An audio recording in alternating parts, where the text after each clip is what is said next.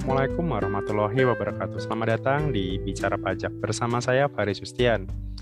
Di video kita kali ini kita akan membahas tentang masih seputar pengisian SPT tahunan, khususnya bagaimana cara mengisi kalau misalkan kita di tahun tersebut atau di tahun ini misalkan mendapatkan sebuah warisan atau misalkan hibah ya Nah, kita tahu bahwa warisan itu bukanlah objek pajak gitu. Jadi ketika misalkan tahun ini kita mendapatkan warisan dari orang tua kita, misalkan katakanlah sebuah uang, deposito, tanah, rumah atau apa pun itu harta dalam bentuk harta, maka atas warisan itu tidak dikenakan pajak berapapun nilainya gitu. Tapi yang harus diingat adalah atas warisan yang kita peroleh itu harus dilaporkan di SPT tahunan.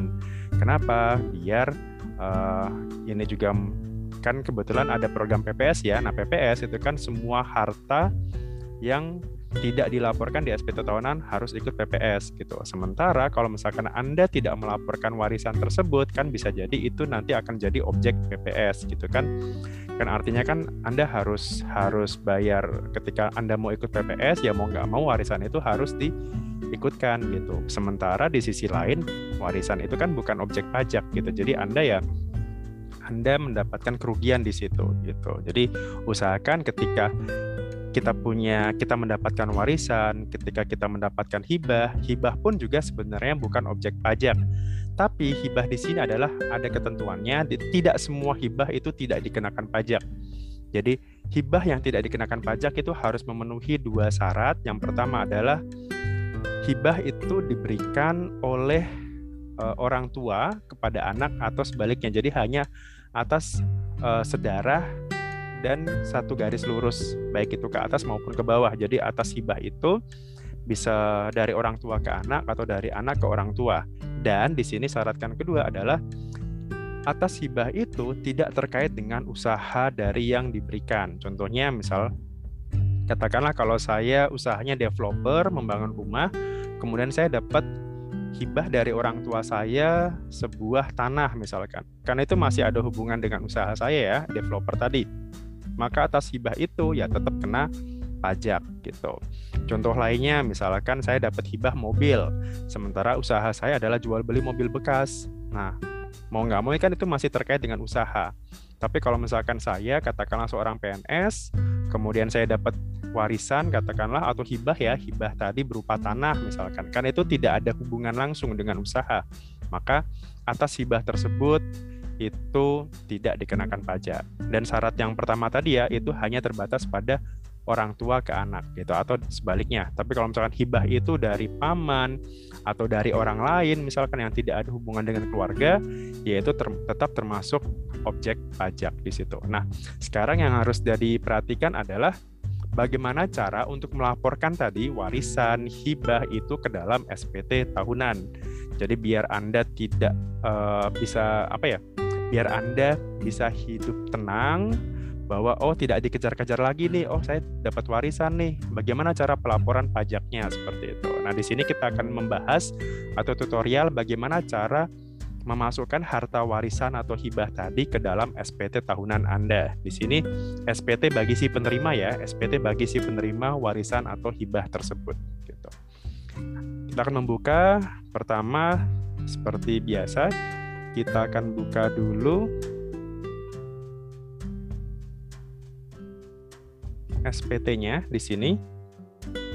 Nah, di sini saya contohkan SPT dalam bentuk PDF ya, PDF e-form di sini. Nah, kita tahu bahwa PDF e-form itu adalah apa? Eh, pelaporan terbaru ya, pelaporan terbaru dari DJP. Jadi kalau misalkan Anda mau lapor SPT tahunan, sebaiknya Anda gunakan e-form bagi bagi yang non karyawan. Karena kalau karyawan boleh masih boleh pakai yang e-filing. Formulirnya silakan pilih yang 1770 atau uh, 1770S maupun 1770 SS apabila penghasilan Anda di bawah 60 juta. Jadi boleh pakai SS. Tapi kalau di atas 60 juta karyawan silakan pakai yang e-filing yang 1770S. Nah, selain itu, selain karyawan, Anda dipersilakan atau ya istilahnya diwajibkan menggunakan yang formulir yang PDF ini gitu. Nah, cara downloadnya sendiri ya uh, sudah saya jelaskan di video saya yang lain ya, bagaimana cara mengisi SPT e-form PDF itu. Yang tetap harus diperhatikan adalah e-form PDF ini hanya bisa di dilihat atau bisa diisi menggunakan Adobe Reader DC. Jadi yang versi free ya, bukan versi pro-nya. Jadi versi yang free-nya yang Adobe Reader DC yang 32 bit. Jadi walaupun misalkan laptop Anda atau PC Anda itu sekarang sudah menggunakan versi yang 64 bit, tetap yang Anda harus install nantinya adalah 32 bit. Misalkan ada pertanyaan, Pak, bisa, bisa nggak laptop 64 bit diinstal yang 32 bit? Ya pertanyaannya bisa-bisa aja gitu. Yang nggak bisa itu kan laptop 32 bit diinstal yang 64 bit itu nggak bisa. Tapi kalau yang lebih tinggi install aplikasi yang lebih rendah yang 32 itu bisa-bisa aja gitu. Dan untuk saat ini e-form PDF ini bisa dijalankan di aplikasi yang 32 bit saja. Dan ingat ya, hanya yang versi gratis aja. Jadi nggak perlu kita langganan Adobe atau subscribe Adobe gitu ya. Jadi cukup yang Adobe Reader DC aja.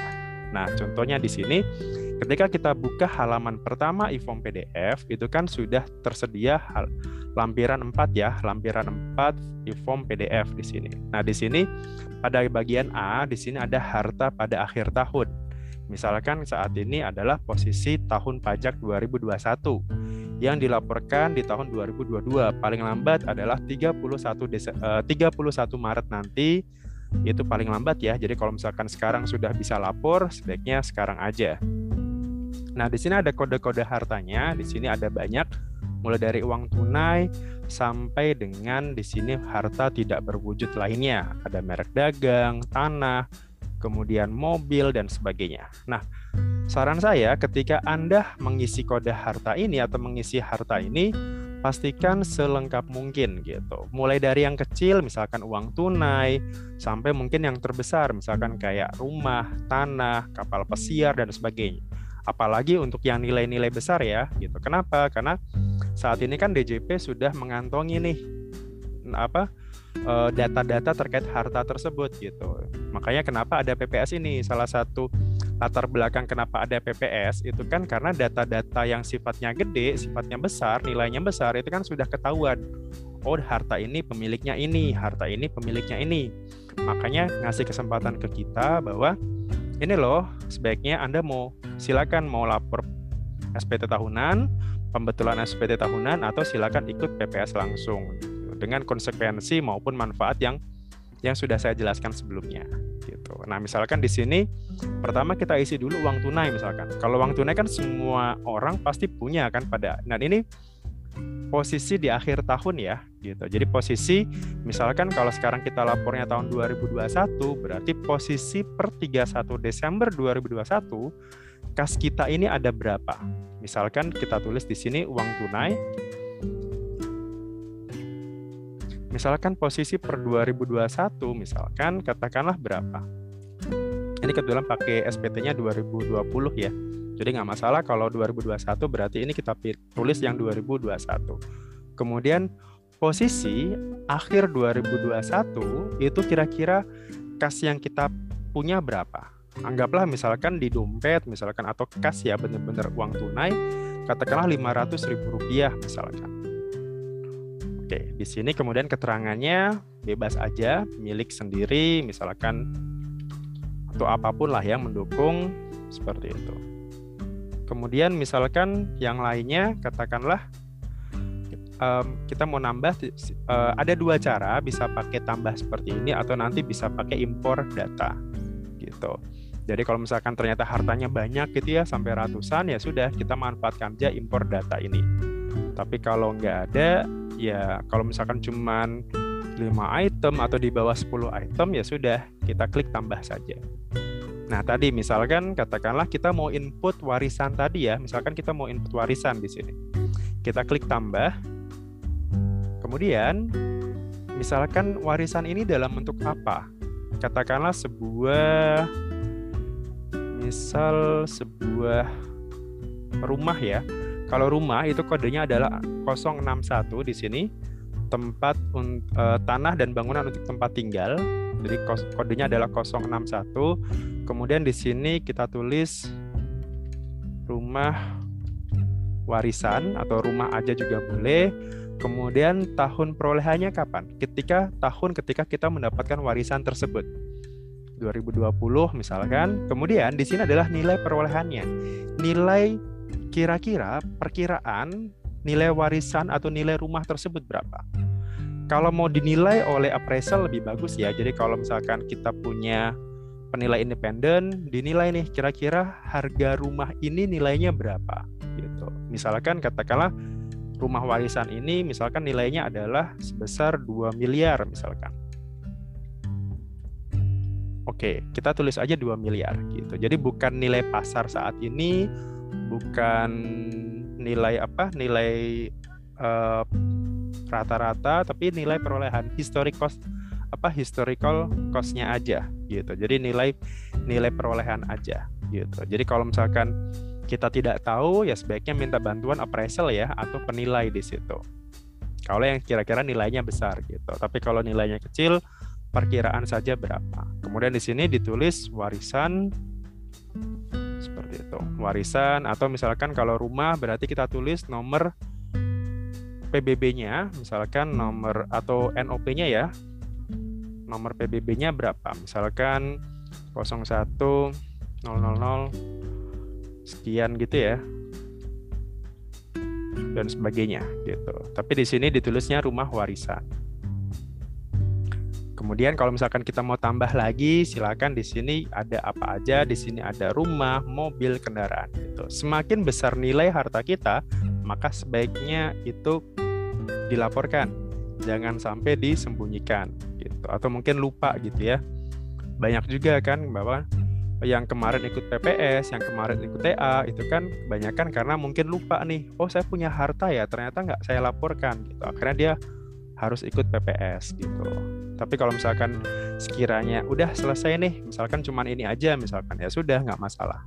Jadi sebaiknya kolom harta ini penting. Kenapa? Karena ketika nanti DJP menemukan harta lain di luar ini, maka itu bisa jadi Anda akan kena pajak yang lebih besar. Jadi pastikan Anda yakin bahwa bahwa harta yang Anda laporkan itu memang benar-benar sudah sesuai dengan kenyataan yang sebenarnya.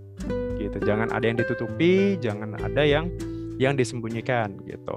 Terus bagaimana kalau misalkan harta saya itu masih atas nama orang lain? Misalkan katakanlah mobil. Mobil itu saya beli second tapi masih atas nama orang lain. Bagaimana pelaporannya? Nggak masalah. Jadi harta adalah harta yang nyata-nyata Anda miliki di sini. Jadi misalkan kalau Anda punya mobil di sini, kita tulis mobil itu kodenya adalah 043 di sini. Kemudian kita tulis mobil apa? Katakanlah mobil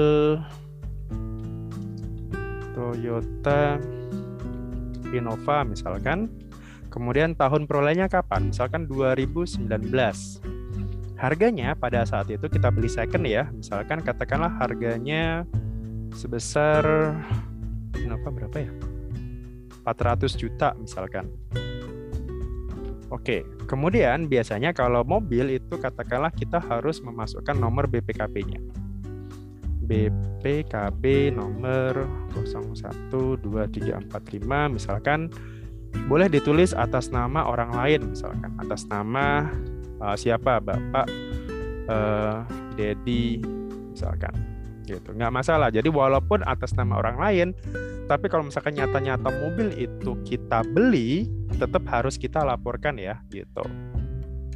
Begitu juga sebaliknya. Misalkan mobil yang kita jual itu masih atas nama kita, tapi nyata-nyata mobil itu sudah tidak bersama kita, sudah kita jual.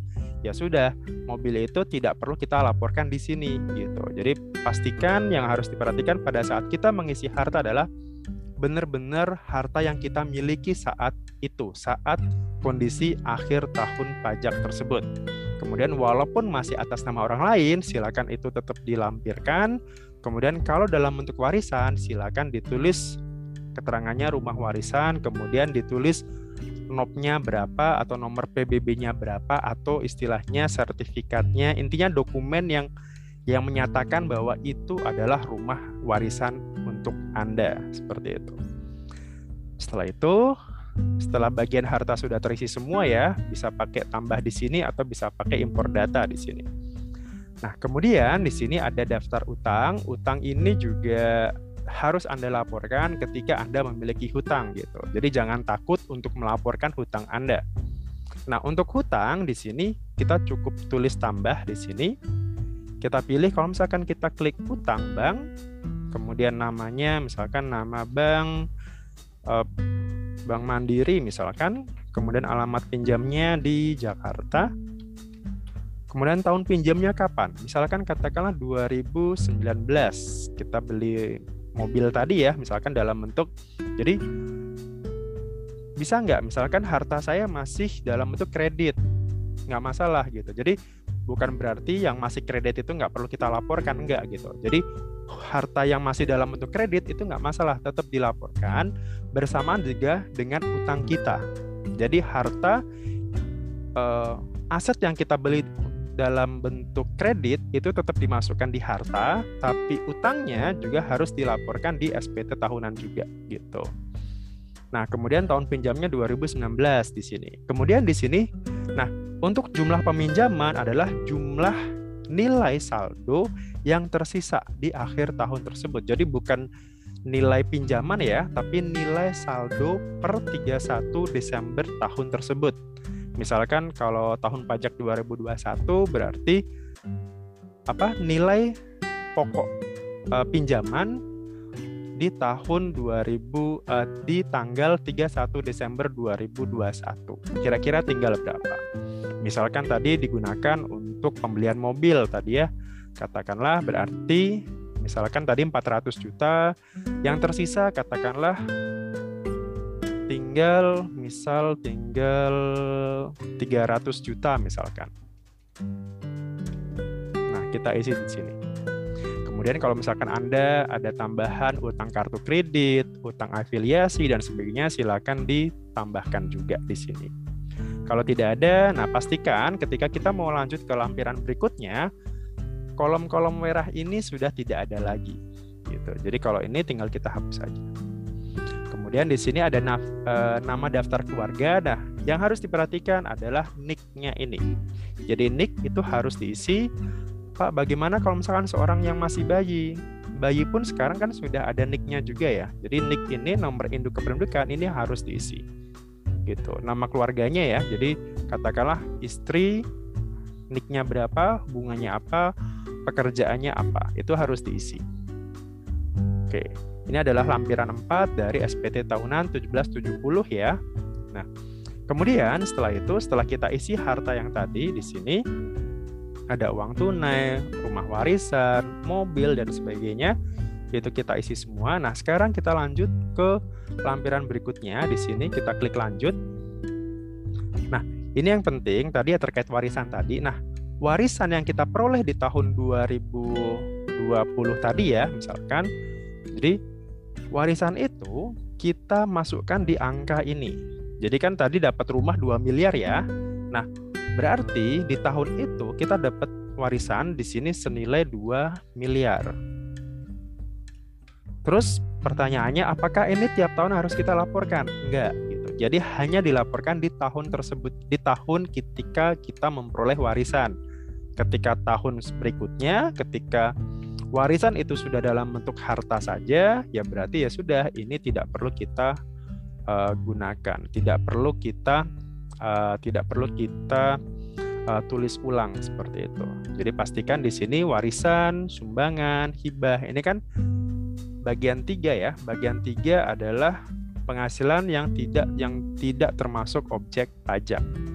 Nah, di sini keterangannya yang bukan termasuk objek pajak, salah satunya adalah warisan, kemudian ada hibah juga tadi, kemudian ada bagian laba, perseroan komanditer yang tidak atas saham. Ini biasanya ketika kita sebagai direktur sebuah CV, kemudian kita punya laba dari perusahaan yang kita ambil, prive ya istilahnya. Nah, silakan dimasukkan di sini. Nilai prive kita selama satu tahun.